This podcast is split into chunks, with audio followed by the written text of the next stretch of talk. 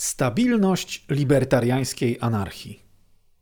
Bodajże najczęstszy zarzut dotyczący realizacji libertarianizmu jako praktycznej filozofii można streścić jako pogląd, że państwo istotnie jest złem, lecz mimo wszystko jest ono złem koniecznym, ponieważ libertariańska anarchia jest z natury niestabilna i nieuchronnie przeradza się w walkę o władzę pomiędzy lokalnymi wataszkami. Kluczowa słabość tego zarzutu tkwi w tym, że wysuwający go zdają się wyobrażać sobie libertariańską anarchię jako bezpaństwowy etatyzm, to znaczy sytuację, w której terytorialny monopol przemocy znika, ale wszystko inne, włącznie z mentalnością, która legitymizuje jego istnienie, pozostaje bez zmian. Praktycznie każdy teoretyk libertariańskiego anarchizmu twierdzi natomiast, że skuteczne i trwałe zniknięcie terytorialnych monopoli przemocy i wszystkich powiązanych z nimi szkodliwych zjawisk może nastąpić wyłącznie wtedy, gdy etatyzm, światopogląd legitymizujący, a często wręcz gloryfikujący istnienie tychże monopoli, stanie się wystarczająco niepopularny. Warto wyobrazić sobie abolicję bez abolicjonizmu, jako analogiczny scenariusz, w ramach którego obalenie dotychczasowych posiadaczy niewolników natychmiast skutkuje pojawieniem się kandydatów na ich następców, konkurujących między sobą o kontrolę nad świeżo uwolnionymi byłymi niewolnikami. Następnie warto zastanowić się, czy ten scenariusz różni się od tego, który miał miejsce w historii, to znaczy od tego, w ramach którego szeroko rozpowszechniona akceptacja dla abolicjonizmu została słusznie uznana za kierunek konieczny, skutecznego i trwałego zniesienia niewolnictwa. Podsumowując, teoretycy libertariańskiego anarchizmu zdają sobie w pełni sprawę z przyrodzonej niestabilności bezpaństwowego etatyzmu, zwanego również upadłą państwowością, ale jednocześnie są oni jedynymi osobami świadomymi faktu, iż bezpaństwowy libertarianizm, antyetatyzm jest stanem rzeczy jakościowo całkowicie odmiennym, zwłaszcza pod względem stabilności. Aby dodatkowo zilustrować powyższy argument, rozważmy następujący eksperyment myślowy. Wyobraźmy sobie świat, w którym wszyscy członkowie klasy rządzonej, czyli osoby nienależące do struktur władzy, nagle znikają bez śladu, a pozostają jedynie członkowie klasy rządzącej politycy, biurokraci oraz ich egzekutorzy. Teraz, jako że bycie rządzącym wymaga istnienia kogoś, kim się rządzi, osoby te z logicznego punktu widzenia nie mogłyby już być uznane za rządzących. W związku z tym znalazłyby się one w stosunku do siebie w stanie anarchii. Lecz jako byli rządzący, byłyby one przyzwyczajone do zarabiania na życie poprzez oparty na przymusie wyzysk, a nie produkcję, wolną wymianę i przedsiębiorczość. Zatem Prawdopodobnie zaczęłyby one ze sobą walczyć, aż do momentu, w którym wyłoniłaby się zwycięska grupa, zdolna do przekształcenia przegranych w nową klasę rządzoną. W tym konkretnym przypadku istotnie można byłoby powiedzieć, że anarchia prowadzi do konfliktu i chaosu. Teraz wyobraźmy sobie inny świat, taki, w którym to rządzący znikają, nie dlatego, że skłonność, by używać przymusu do kontrolowania innych została wypleniona, ale dlatego, że klasa rządzona, by użyć słów Etienne de la Bessie, postanowiła im więcej nie służyć oraz by użyć innego popularnego powiedzenia, skutecznie zagłodziła bestię.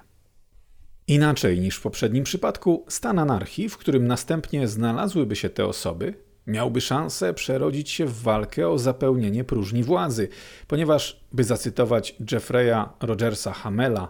ten sam społeczny konsensus, te same instytucje i te same ideologiczne imperatywy, które umożliwiły im uwolnienie się spod jarzma ich własnego państwa,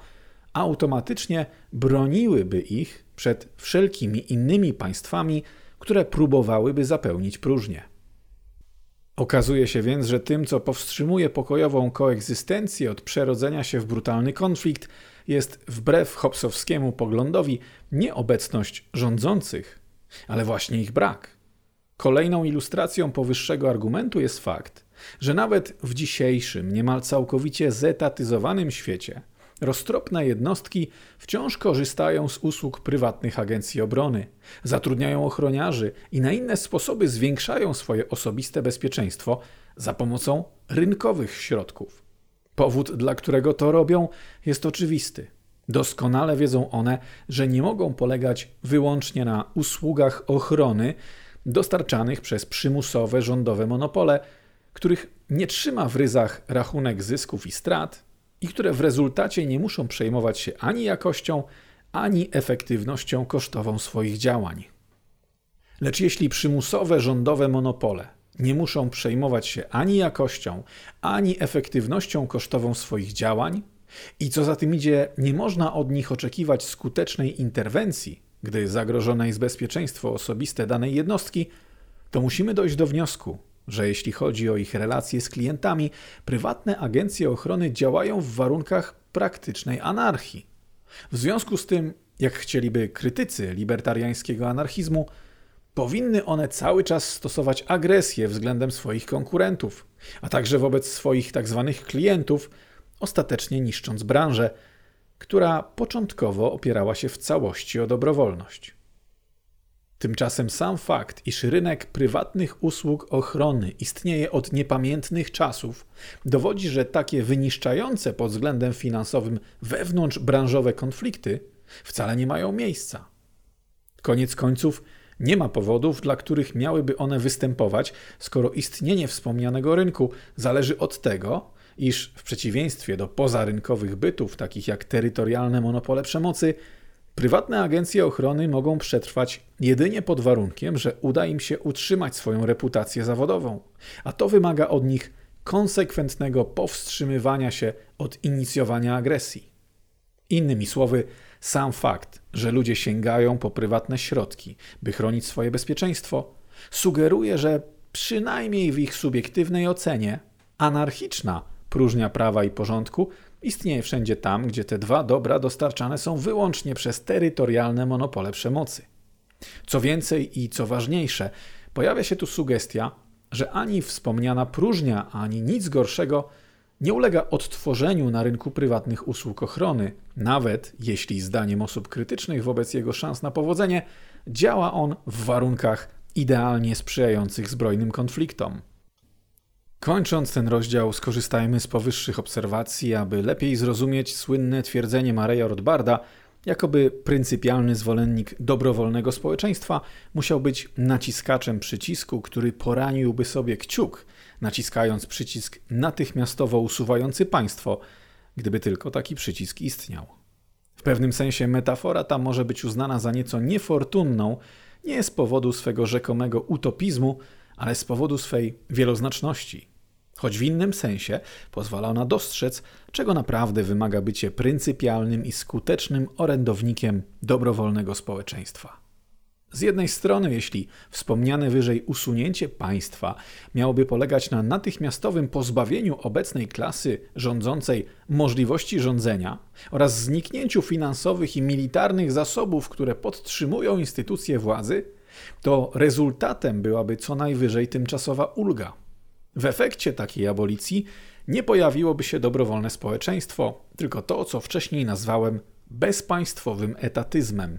To jest sytuacją, w której terytorialny monopol przemocy znika, ale wszystko inne, włącznie z mentalnością, która legitymizuje jego istnienie, pozostaje bez zmian.